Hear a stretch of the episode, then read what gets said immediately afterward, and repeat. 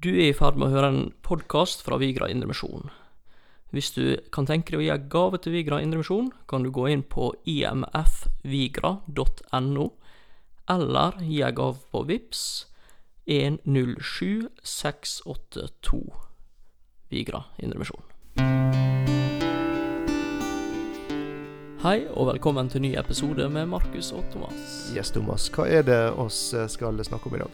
Du, Markus, i dag skal vi snakke om eh, konger og diktatorer på kaffe. Vi skal snakke om hvite løgner, og så skal vi snakke om Netflix. Og utrolig nok så finner oss alt dette i kapittel åtte i Romerbrevet. Det visste ikke du? Endelig kapittel åtte. Endelig. Det blir en ny episode da, Markus, omsider. Omsider, ja. Det ble litt opphold. Det ble et lite opphold. Det er vel kanskje noe jeg må ta på min kappe. Ja, om man skal ta skylda for sånt, det vet jeg, ikke, men eh, kan, jeg kan ta det på min kappe, så jeg er pysete. Ja, nei, det er nå bare så her Når du får noen forkjølelsessymptomer denne tida her, så stopper alt. Ja, vi vurderte jo alternativt, sånn Zoom og styr og stemme, så kom til det ble så kunstig. Ja. Så da var det bedre å bare vente litt. Ja, Spesielt når det er dette her kapittelet her og skal uh, i gang med, og fantastisk flotte sannheter, så er det kjekkere å sete Riktignok med avstand, men, eh, men eh, i lag og, og få prate gjennom. Ja. Eh, Ja, og det er jo Vi skal inn i kapittel åtte, for de som ikke har fått det med seg. Hvor lenge vi blir i kapittel åtte, det tør ikke å si dere løfte om. Det kan fort bli lenge, Markus. Vet du, jeg tenker at oss bare tar det litt som det kommer. Vi gjør det. Ja. For her er utrolig mye god sannhet, og. Og vi tenker kanskje egentlig bare å kjøre på. Skulle hatt en morsom historie. Jeg kunne fortalt om at jeg mekka bil utafor Dagerøy, men um, Nok en bilhistorie. Nok av bilhistorier, men poenget er at her, er- her er så mye godt at vi føler egentlig for å bruke tida på dette i dag. Og, og hva vi har sett til nå i romerbrevet, Markus, sånn, hvis vi skal prøve å oppsummere litt. Ja, i hvert fall. eh, Nå hadde oss eh, Forrige gang var kapittel sju, og gangen før der var en sånn parentes der det sto Mm. noe helt annet. Men eh, jeg satt her om dagen og tenkte på det, plutselig så så jeg det at oss egentlig eh, hadde snakka om det samme. Altså, det var i hvert fall veldig klare paralleller mellom den episoden der vi snakka om eh, israelsfolket og Rødehavet, og Paulus eh, når han kommer til kapittel sju. Og Det var en liten sånn, eh, et litt sånn lyspæreøyeblikk for min del. da. Ja, for det er ganske stilig. Ja, det er det. At israelsfolket i slaveri slipper fri. De er fri. Ja. Altså, det er ikke spørsmål Jubel, ja, glede. Det er ikke spørsmål om at de er fri, de er faktisk det er det. fri. Ja. Og så går et lite stykke, og så Oi, der er et hav, og der er fienden bak. ja, altså nå ligger plutselig verden før de er født omtrent, ikke sant? Og de gjenger ut. Det er jubel, det er seier. De er fri fra slaveriet. Altså 400 år. Eh, og så blir det bom stopp. Og det beskriver veldig godt han Paulus her. Fordi Ja. at det er samme greiene der. At han har på en måte også hørt hva frelsa er, og så lest det, og så hørt hva det innebærer, og så hørt også litt sånn start på ei vandring og styr og stell, Mm. og så er det stopp. Det er full stopp. Det er full stopp. Det er ei elendige menneske. Ja, Paulus som har fryda seg over evangeliet, friheten. Han er kjøpt fri. Eh, Syndeskylda er betalt. Og så er han liksom kjempeklar for å begynne på denne vandringa. Litt sånn som israelsfolket. Og så går han rett på en smell. Der ligger havet, og Jeg vet ikke, eh, når jeg var liten, så tenkte jeg hvorfor svømte ikke jeg over? Eh, jeg skjønner jo det, da. Det var, det var stort og smått og mye folk, og det er langt. Og masse utstyr og telt og eh, Ja. Nei da, det, det var nok ikke mulig. Og det, det som de innså, det var at eh, med egne ressurser, med egne krefter, så kom det ingen vei. Nei, de var De hadde fienden bak, de hadde Ja. hav framfor. Ja. De var sånn sett fortapt. De var egentlig fordømt, ja. Ja. Eh, og Paulus han fordømmer seg sjøl her. Altså han sier 'jeg elendig menneske'. Og det kan hende det var noen av Israelsfolket som sa, når de sto der eh, Du kan nesten høre det litt på tonefallet når du leser mellom linjene, at eh, Ja, de ville tilbake til Egypt. Altså de ville gi opp hele prosjektet. ja, At det- var bare elendighet. Og så hadde det tross alt bedre der enn Ja, ja, skulle dø Den visse død, liksom. Ja. Og så Hvem kan fri meg fra dette dødens legeme? ja. Og da er jo det dette her nå at eh, Bibelen, breva, det var ikke skrevet med kapittel og versoppdeling. Eh, det er som en tekst. Eh, og her kommer oss til en fantastisk overgang. Det gjør oss. På samme måte som at Gud greip inn og delte havet. Ja. Så for å se hvordan Gud griper inn for når Paulus er med.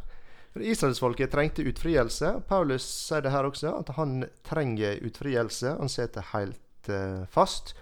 Og som du er inne på, Thomas, så er det veldig viktig å se at eh, her er det en sammenheng. Altså her, her er ikke det nytt tema i eh, kapittel 8. Her er det en overgang som Altså Paulus er inne i et tankerekke som han bare fortsetter og fortsetter og fortsetter på. Bygger videre og bygger videre. Og dermed så må vi holde tunga litt beint i munnen her. Og den tankerekka, den har jo vært Det er ikke lenger på frelsa. Det er på vandringa, det er på helliggjørelsen. Ja. Den pågående frelsa, som Ja. også kalte det tidligere episode. Det ble tøft i hverdagen eh, hos, eh, hos Paulus. Altså Han fikk ikke det til når han skulle begynne å sette dette her ut Mm. eh, i livet. Eh, og, og, og det ble bare kludder, kladdeføre. Han kom ingen vei. Eh, men så eh, ser vi da i begynnelsen av kapittel 8 eh, etter, Rett etter at han har drevet og fordømt seg sjøl. Eh, og, og det er klart, fordømmelse i, i, eh, i romerbrevet, da. Eh, der er tre måter det blir brukt på. Mm. fordømmelse fra Gud, som da fører til fysisk død, og det er pga. Adam, og det er ting som vi snakka om for flere uker siden. Så kan det være fordømmelse fra mennesker, fra de rundt oss. Men det kan også være, kan være egenfordømmelse, der vi fordømmer oss sjøl. Og det er det Paulus har gjort nå. Han har fordømt seg sjøl. Og så sier han plutselig, i vers 1 i kapittel 8, at det er ingen fordømmelse. Og da er det egenfordømmelse han snakker om. Er det virkelig mulig Paulus han har opplevd en hverdag der alt gikk feil. Der han satt igjen og fordømte seg sjøl som et elendig menneske. Men så er det da, ifølge han, mulig å slippe fri fra den fordømmelsen. Og faktisk kunne leve et liv der du ikke ser tilbake på bare eh, Hva skal jeg si da? Bare feilskjær og ingen framgang, der du sitter fast. Ja, For det er noe med det at hvis vi henger oss opp i det som har skjedd før, og hvis det er det som hver gang vi møter en ny situasjon, så er oss opphengt i det som har skjedd før, Ja. så vil det være det som preger valget vi gjør i møte med den nye situasjonen. Ja. Uh, og eh, og det, det vil være fryktelig hemmende. Så det er noe med det å få evne, få hjelp til å legge ting bak seg og bevege Ja. seg videre. Uh, og det er klart, dette verset her, det har jo Folk må få lov til å være uenige med oss, Markus, men oss er ganske Oss er ganske enige. oss er ganske enige om hva som er meninga her, da. Ja, for der er i avslutninga eh, Der er vel kanskje litt ulike grunntekster der. I King James-versjonen og, og andre eh, eh, da, så er det med litt mer i det verset. Men eh, du, du ser det samme uttrykket i slutten av vers 4. Så sånn sett så kan vi bare lese det som står der.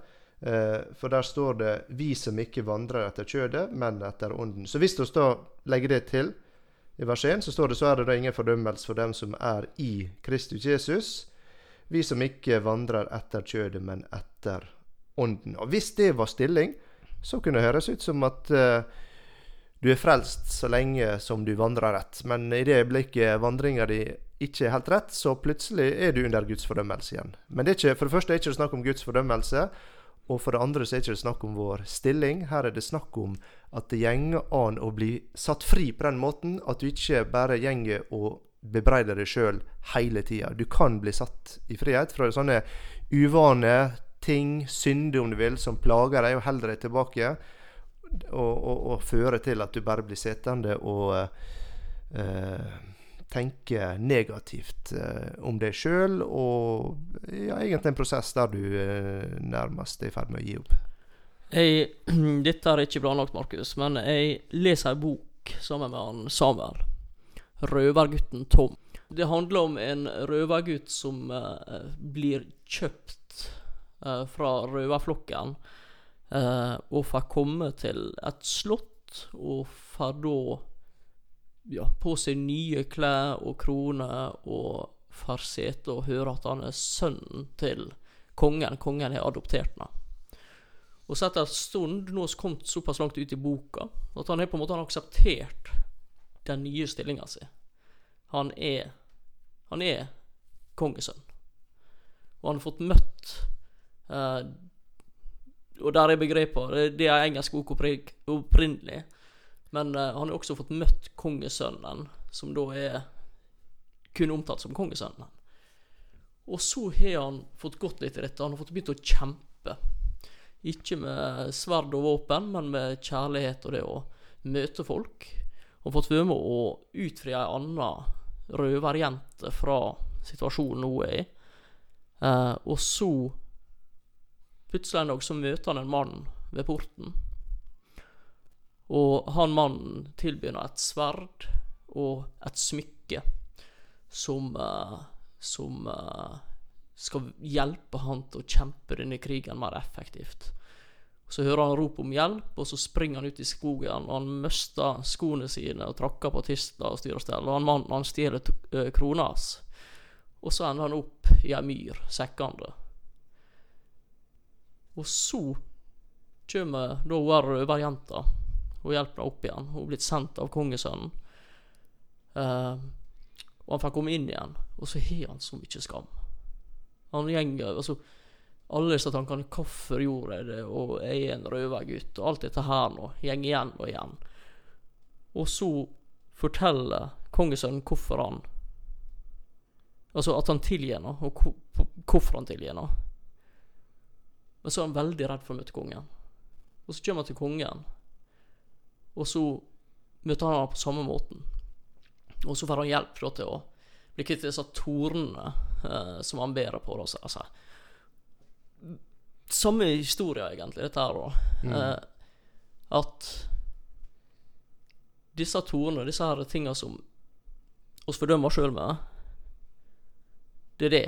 Det er de tornene skal drages ut nå. Det er ikke Jeg, jeg og du, oss er kongesønner. Mm. Og samme om oss mister krona, så er vi kongesønner. Og sitter i myra. Ja. Det er en veldig fin eh, illustrasjon, Thomas. og det, det viser egentlig veldig godt det vi eh, snakker om her. Og det som ligger i bunn eh, her, som ingenting rokker ved i kapittel 7 og kapittel 8, det er det at oss er kongesønner, eh, men oss kan føle på skam likevel over valg som oss eh, tar. Oss kan føle at det er ufortjent, noe som det for så vidt er. Eh, og, eh, men det skillet mellom stilling og vandring det er noe av det viktigste oss som eh, kristne eh, må få klarhet i for å kunne finne fred og glede, og for så vidt frimodighet eh, i vår vandring. Eh, og så er det ja, så er det veldig veldig viktig også at oss, eh, at oss beholder denne ydmykheten, slik at eh, oss ikke prøver å late som oss er eh, bedre enn oss er. Og det er en fristelse som eh, ligger for oss alle, tror jeg. Og den har jo han Paulus vært borti tidligere igjen Ja. også, så det, det er helt klart at det, det handler om ekthet i det også, Ja. dette her. Ja.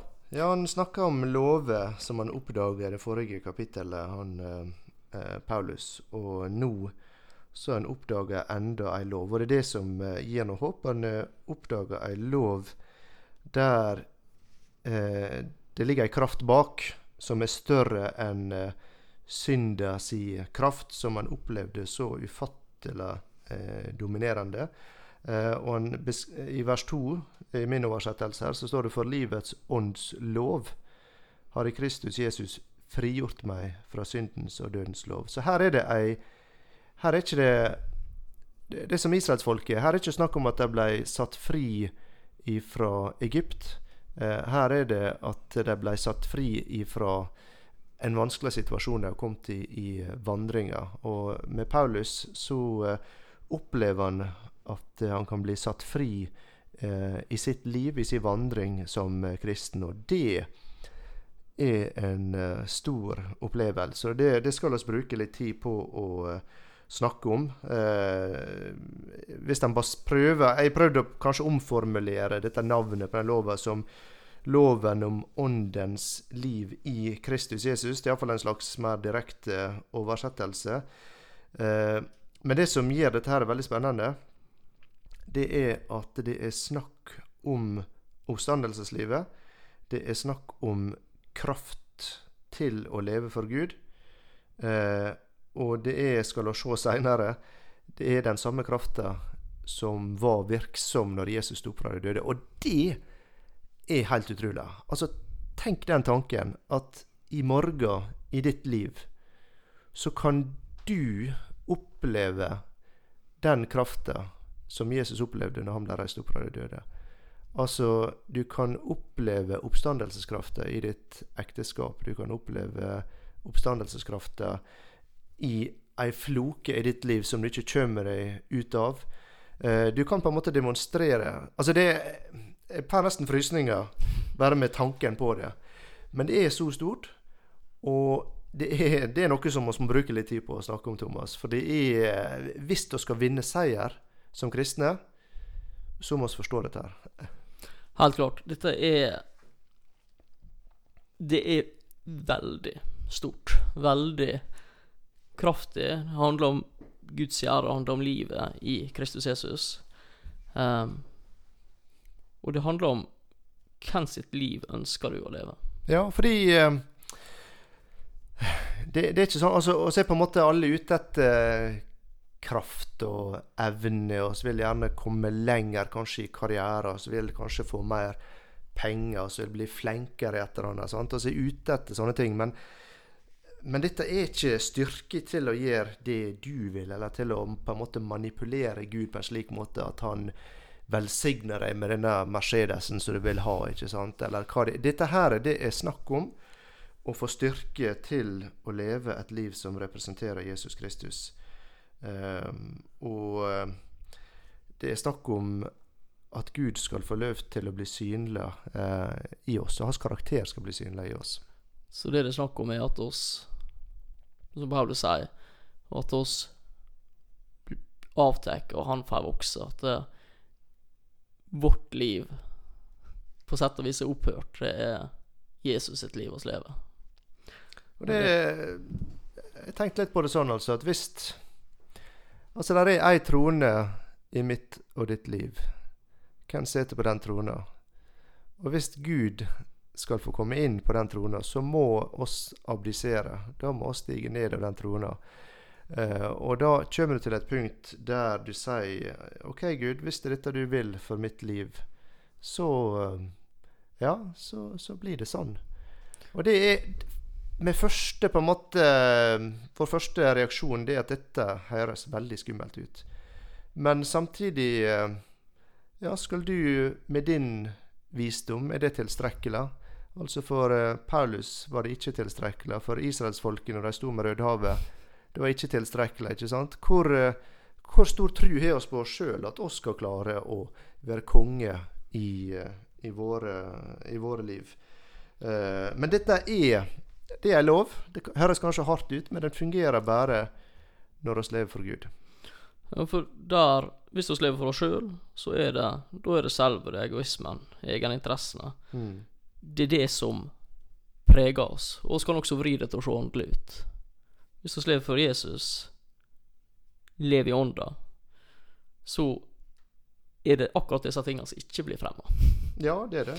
Uh, for det er en lov som er virksom og kraftfull når den er knytta til og representert i livet i Jesus Kristus. Mm. Og det, det kan være lett å sitte og si dette her, men det er klart når du står midt oppe i valget i hverdagen, så er det tøft. For da, da, da tenker du konsekvens. Da, da veit du at dette her er ja, altså, det er nesten rart, men ofte så er det på en måte en enkel vei ut av en vanskelig Tilsynelatende enkel vei ut, av en vanskelig situasjon. Eh, og, og, og, jeg tenker på, på Abraham. Eh, han eh, var gift med Sara. Hun var veldig vakker. Eh, han var i Egypt. Og for å gi litt eh, sammenheng der, så var det sånn at eh, hun var så vakker at det kom kongen ble oppmerksom på hun her, og begynner å spørre hvem dette er. Og Da tenker Moses konsekvensen. tenker de at Hvis de sier at dette er kona mi, hva skjer så? Ja, Hvis kongen vil ha henne, så blir et haud kortere. Um, og derfor så laug han. Ikke sant? Og det er ofte er løgn en, en sånn utvei som er lett å ta. Og så er det veldig lett å kalle det en hvit løgn. Ja. Og, eh, men det er ikke Guds vei. Og her er det her er det blir veldig konkret, da. Og jeg kjenner sjøl hvor utfordrende eh, det blir ikke sant? I, i sånne situasjoner. Hva vei velger oss? Velger oss den lette utveien? ikke sant? Ja, Thomas, hvorfor ikke du var på dugnaden i går? ikke sant? Det verste er at du nå er skyldig i det. Fant jeg, ut i etterkant. Ja, ja, ok. ok. Ja, ja. Det var visst delt på Facebook, jeg fikk ikke med meg. Ja. Nei, men det er liksom um, Det er denne der utveien. Eller skal oss hva, hva, er det Gud vil i disse situasjonene? Og um, Ja, det blir beskrevet her som uh, frihet. At vi mm. ble satt fri når vi kom inn i Guds familie, når vi ble rettferdiggjort. Uh, men her er det ikke snakk om frihet fra skyld uh, framfor, framfor, Gud. Det er på en måte et uh, avgjort spørsmål.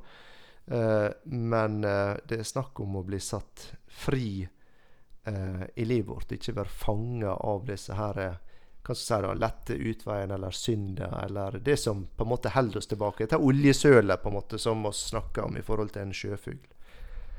Så, og, og vers, vers 3 beskriver egentlig hvorfor lova ikke er, er veien uh, videre. Uh, og det er fordi at lova var kanskje god, men det var Den på en måte tappet inn i kreftene som befinner seg i oss sjøl. Og en, eh, en, illustrasjon Om jeg kom på det sjøl, eller om jeg leste eller hørte det, kan ikke jeg si. Claim men. Eh, men du kan eh, ansette verdens beste skulptør. og så sier du at han skal lage en vakker skulptur for deg, men så gir du noe gjørme å jobbe med. Ikke sant? Da er det stoffet Altså det samme hvor flink denne personen er. Hvis jeg sammenligner det med lova, da, samme hvor god lova er. Når det på en måte råstoffet er så dårlig, så blir det ikke noen vakker, eh, noe, noe kunstverk ut av det. Og, og, sånn er det med oss og lova også. Da er oss gjørme og lova i skulptøren. Altså det, det, er ikke det er ikke noe hold i, vår, i, i oss og i vårt kjød for, for, uh, så lova kan jobbe med, på en måte. Og så kommer Jesus er marmor eller granitt og mm. Så problemet, det er igjen, det jeg har sagt før, det, det ligger i oss. Det er vår menneskelige eh, svakhet. Og eh, rota til problemet, det, det ligger der. Og, og i, i, kapittel 7 var det kun det Paulus så. Han så eh, på fruktene, han kom ingen vei. Eh, og så begynte han å grave dypere, og så så han det at rota til problemet det var denne her syndens lov. Men det han finner, da, og jeg las ikke hele vers 3, det er at eh, også det problemet løste Jesus. Det var ikke bare syndeskyldproblemet. Han løste også problemet som her blir, blir eh, omtalt som rota til problemet i, i, vår vandring, i vår hverdag. Det at vi blir stående bom, eh, bom fast. Jo. Kanskje skal lese Hun skal lese, lese det. Lese hele verset. Vil du ta det, Har du det oppe der, Thomas? Ja. For det som var umulig for loven, fordi den var maktesløs på grunn av kjødet, det gjorde Gud.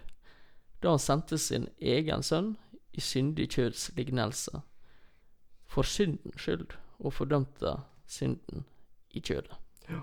For syndens skyld. Altså her er det snakk om all synd på alle eh, nivå.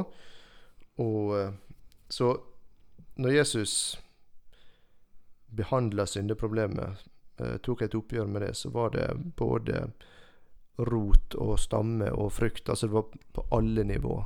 Og når Paulus møter problem i vandringa, så oppdager han igjen at ja, men løsninga ligger faktisk i dette her frelsesverket som eh, Jesus framstilte eh, i sin død og begravelse og oppstandelse.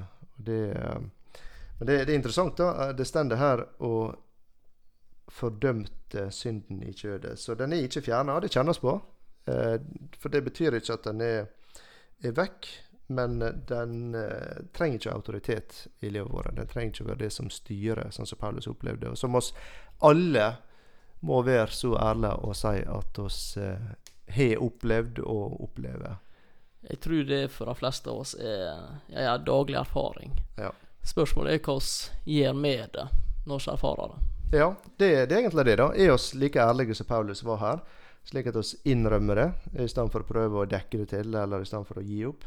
Uh, og faktisk lete etter løsninger og finne den, følge Paulus inn i kapittel 8 og finne det at uh, at i Frelsesverket så er også løsninga i forhold til problemet med vår vandring og vår svakhet i vandringa. Det, det, er også uh, der. litt av problemet er at selv om vi er blitt frelst, rettferdiggjort, satt fri, når det kommer til resten av livet vårt, så vil vi gjerne styre sjøl. Vi vil gjerne være konge. Vi vil ikke at Gud skal regjere. Altså, og det er kjødet som stritter imot. Uh, og, og, og uh, vi kommer til det litt tydeligere utover her også, men det er krefter i oss som fremdeles ikke liker at Gud skal få være konge i vårt liv. Og så vil du ikke slippe roret. Det blir litt sånn Ja, du kan få dette, du kan få dette, og du kan få være konge i det. Ja. Men jeg sitter egentlig her og er den som har blir mer som en fylkesmann, da. Ja. Ordfører i ei kommune. Ja, blir overstyrt av fylkesmannen. Ja. ja, det, det, er egentlig Det tror jeg det er mange av de som har opplevd. Ja. Nei, men eh, så Og det Ja, du kan kanskje tenke deg at dette her det blir for radikalt uh, for meg. Fordi det, det, det, det, kommer for nært, og det begynner å bli hverdagen. Og så ja, er det Skal jeg snakke med Gud om hva jeg skal legge sommerferien neste år? Blir det noe særlig kjekt, da? Altså, Blir det å smugle bibler inn i, inn i eh, Nord-Korea, liksom? Eller hva? ja, det kan fort se spennende ut. Nei, men, men det, eh, det, det, som er viktig å huske her, det er at uh, hvem er kilda til alt godt? Og hvis vi husker det, så, så blir dette med å legge legge vekk, på sett og vis, de gamle lova og erstatte dem med de nye. Det blir et litt enklere valg. Ja. Og når alternativet er Altså, her er det liv og død det, det, det er snakk om, men, men eh, når alternativet er at vi kjører oss fast og blir frustrert og opplever at vi gjør ting og er med på ting som fører til død for oss sjøl, det fører til død i våre relasjoner, det fører til at folk rundt oss Altså det påf oss påfører folk rundt oss smerte. Eh, men da må vi være ærlige og, og innrømme at det, det, er faktisk eh, det vi gjør eh, med vår egoisme og med vår eh, stolthet. Eh, for her er det egentlig Vi har ikke nevnt det ordet, men egentlig er det et grunnprinsipp som ligger her, og det er ydmykhet. Mm. Ydmykhet for Han som skal være vår Herre og ja. ydmykhet i forhold til å innrømme overfor oss sjøl og for så vidt andre hvor, hvor skoen trykker. Ja. Og det um, Litt sånn for å ta et litt praktisk eksempel inn i dette her, så jeg, jeg er av de som uh, ser min andel på, på, Netflix og andre ting. Jeg vet det er mange som uh, har klart å komme seg lenger enn meg på det. Um, altså ikke, ikke lenger i å se, kanskje, men å ikke se. Uh, og, så er det dette konseptet med at det, det hjertet flyter over av, det taler til unger. Så når han sitter der og skal navigere og finne ut hva skal jeg fylle med med av dette her nå Ok, jeg trenger noe tom underholdning, men hva, hva er sunt og godt? Hva er ikke det? Mm. Og så etter hvert som du setter litt, så blir det mindre og mindre utvalg. da Og så blir terskelen din større og større i forhold til hva du tillater deg. Og litt sånn opplever jeg det uh, i forhold til dette livet med Jesus. At eh, OK, jeg kan si til Jesus ja, OK, jeg gir alt til deg. Du er herre. Men så gradvis så Ja, men akkurat dette kan jeg plukke sjøl. Akkurat Mm. dette, akkurat dette. Så ja. Det å gi seg helt over. Og han Paulus sleit jo med det. Ja, han gjorde det, og, og, og det som oss eh, ofte sliter med også, det er det at eh, det er Du kan si eh, Jeg skal ikke drage djevelen så mye og Satan inn i dette her, da, men vi kan iallfall se prinsippet tilbake til uh, Edens hage. Den første fristelsen. Eh, det, det, det spørsmålet som kom fra slangen der, Eh, det var på en måte bare en tanke som sådde tvil om Guds godhet, og sådde tvil om at han holdt tilbake. Om Gud holder tilbake. Det han ønsker, det er å holde tilbake noe fra dere, sånn at dere ikke skal ha det så kjekt som dere egentlig kunne ha det. Og det, det merker jeg. Det er tanker som kan fort dukke opp eh, når man begynner å snakke om det å, å leve med Gud og la Han på en måte få stå øverst i vårt liv og, og komme inn i vår hverdag. Så, men, da, da vil han i stedet for å fare til Syden, så må jeg til Nord-Korea. Eh, Altså, da må jeg liksom Da må jeg begynne å dele ut eh, traktater på torget. Og, men det, det er Det som Gud ønsker, det er at du skal få eh, oppleve en glede i en relasjon med Han som du aldri før har opplevd. Og Hvordan det etter hvert eh, vil eh, arte seg i livet ditt, det, det vet ikke jeg. Men én ting er helt sikkert, at det du gjør for Gud her i livet, det vil du alltid se tilbake på med glede. Eh, Du vil aldri angre på det. Nei, det er helt klart. Og det vil se ulikt ut for alle. Det er Det- ikke noen, det, er ikke noen bok med sånn og sånn skal du være. Men, men det er på en måte Det som blir likt for alle, det er det at det er snakk om et liv som i stedet for å være diktert av deg sjøl, er et liv der du lever i ei avhengighet til Den hellige ånd. Men veldig De som er ærlige når en ser folk som filosoferer litt over livet også, så blir folk lei.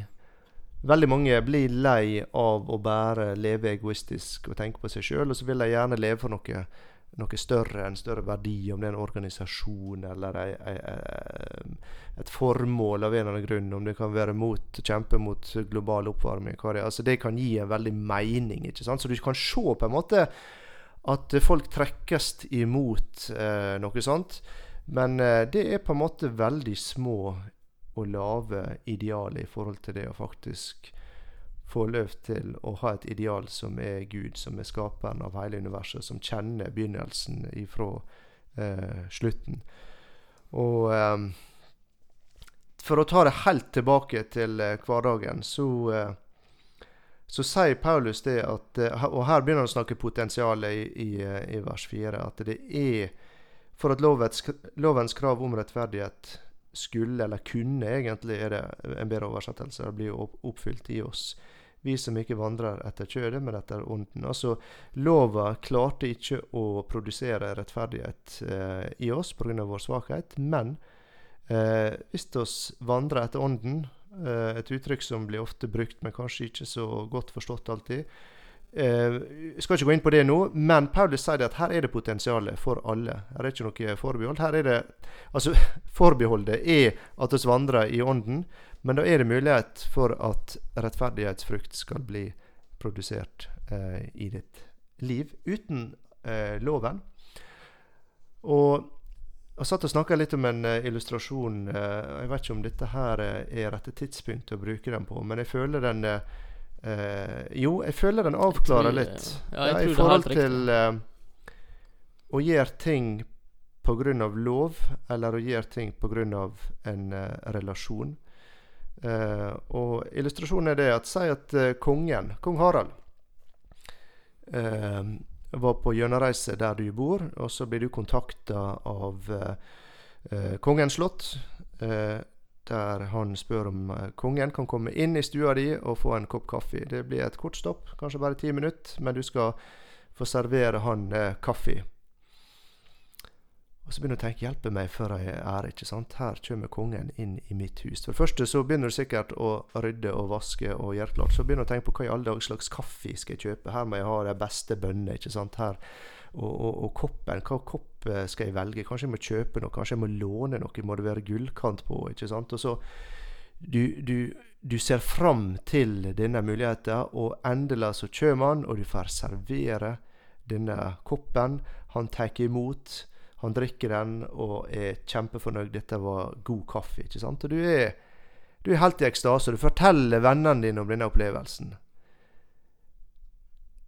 Spol tilbake, og så tenker du at du lever i et diktatur. Si, altså Nå snakker jeg om Nord-Korea nå, da, men et diktatur, ikke sant. Og her kommer det beskjed om at uh, han diktatoren uh, Er det Kim Jong-un eller noe sånt? Uh, ja, om det er ond eller ild eller hva det nå ja. er. Uansett, han kommer på besøk til deg. Du skal servere han kaffe. Hvis han ikke er fornøyd med den koppen, så mister du statsborgerskapet ditt. Ok, Kanskje ikke det verste som kan skje i Nord-Korea, men Uansett, det blir straff. Ja. du blir sparka ut. Du mister alle dine rettigheter. Ikke sant? Og du ligger våken, og du er nervøs, og du svetter, og du lurer på hva i alle dager slags kaffe skal jeg få tak i for at dette her skal bli bra nok? Hva i alle dager slags kopp skal jeg bruke for at han skal være fornøyd? ikke sant? Og Litt de samme prosessene, men det er frykt som dominerer, som driver det. Og når du serverer denne koppen, så stender du skjelvende. Og koppen, kaffekoppen er kanskje ganske identisk med den som jeg nevnte i det første eksempelet. Men her så er det frykt, og du håper bare at han skal være fornøyd. Og hvis han er det, så trekker du et lettelsens sukk. Ikke sant? Og det er loven den, Der er det frykt som driver det. Det er frykt for at det ikke skal være godt nok. Frykt for at det ikke skal være akseptert.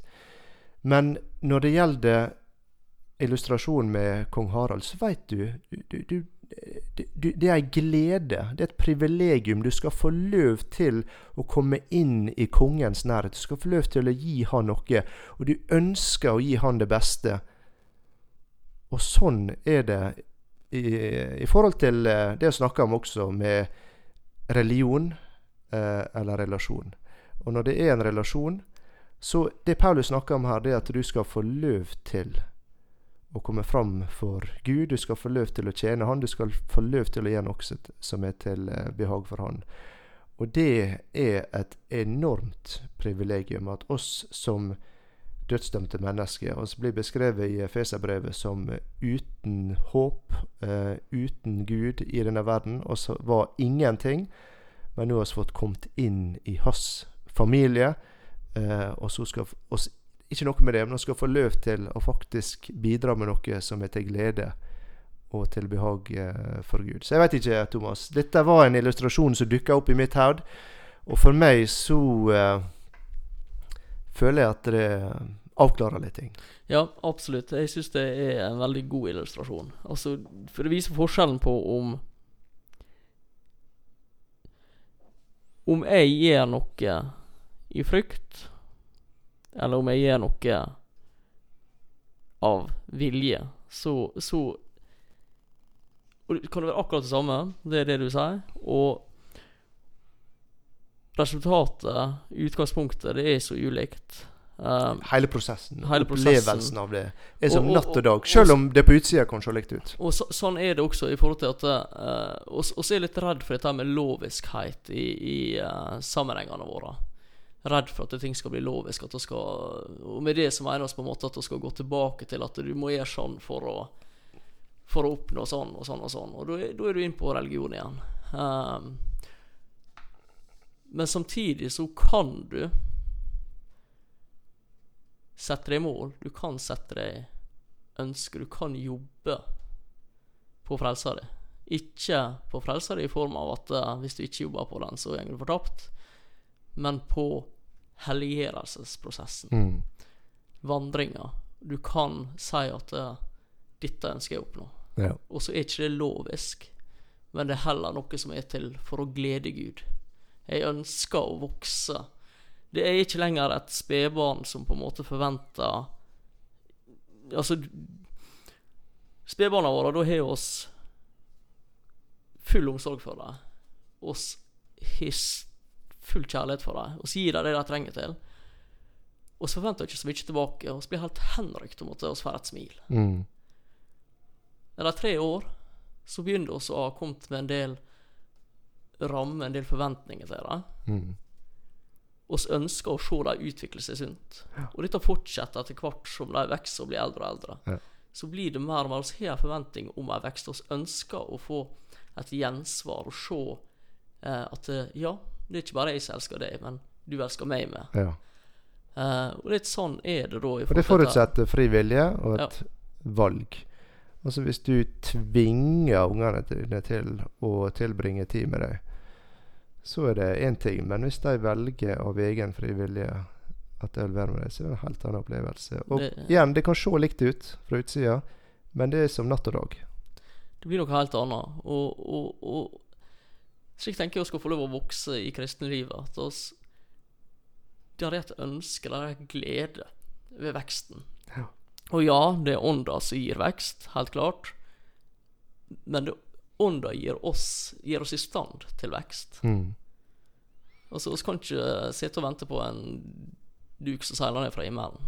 Og det, det, Jeg tror det er flott uh, ofte å tenke på Gud som en far også, som uh, fryder seg over Mm. hvert uh, framskritt i uh, ditt liv. Altså Det er som å se de første stegene til eh, ettåringen din, eller som du sa, det første smilet. Altså Det kan være små ting på en måte i, i den store sammenheng, men for Gud så er dette stort. Og eh, Så han, han ønsker det beste for deg, og han gir eh, krefter og ressurser tilgjengelig for at du skal kunne lykkes eh, i livet.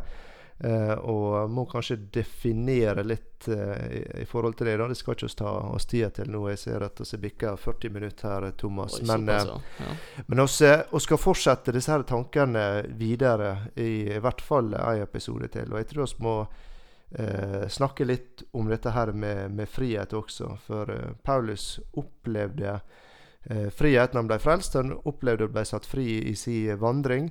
Hva er frihet? For det er også, så snakker om relasjon og religion. Eh, men frihet er også et viktig aspekt i dette her. Eh, som, som på en måte er motvekt mot eh, religion. For religion er det motsatte av frihet. Da er du fanga i et system der du må prestere. Hva er frihet? Eh, hvorfor kan vi oppleve det skremmende? Selv om det egentlig er en viktig verdi eh, i den vestlige verden, iallfall, så kan vi likevel oppleve det skremmende. Og det, det skal vi eh, snakke litt om, eh, tror jeg, også i løpet av eh, I hvert fall før vi er ferdig med, med kapittel eh, åtte. Men jeg vet ikke, Thomas. Skal vi eh, gå til avslutning her? Det er vanskelig å finne et Ja, naturlig det- tidspunkt, men vi har iallfall prata lenge nok. Og så prata lenge nok, og dere får henge med i neste episode. Men Markus, er ikke det deilig å komme til kapittel åtte? Ja, det er det. Og jeg føler liksom uh, Her er så mye at jeg håper det gir mening til de som hører på. Uh, og uh, igjen så vil jeg bare oppfordre Ikke hvis det er et eller annet her du lurer på, bare send en melding eller ta kontakt eller ja, ring. Altså for å sitte nå og prate litt om dette. Håper det kan være til hjelp. Dette er sannheter som har vært hjelp for oss. Helt klart. Ja.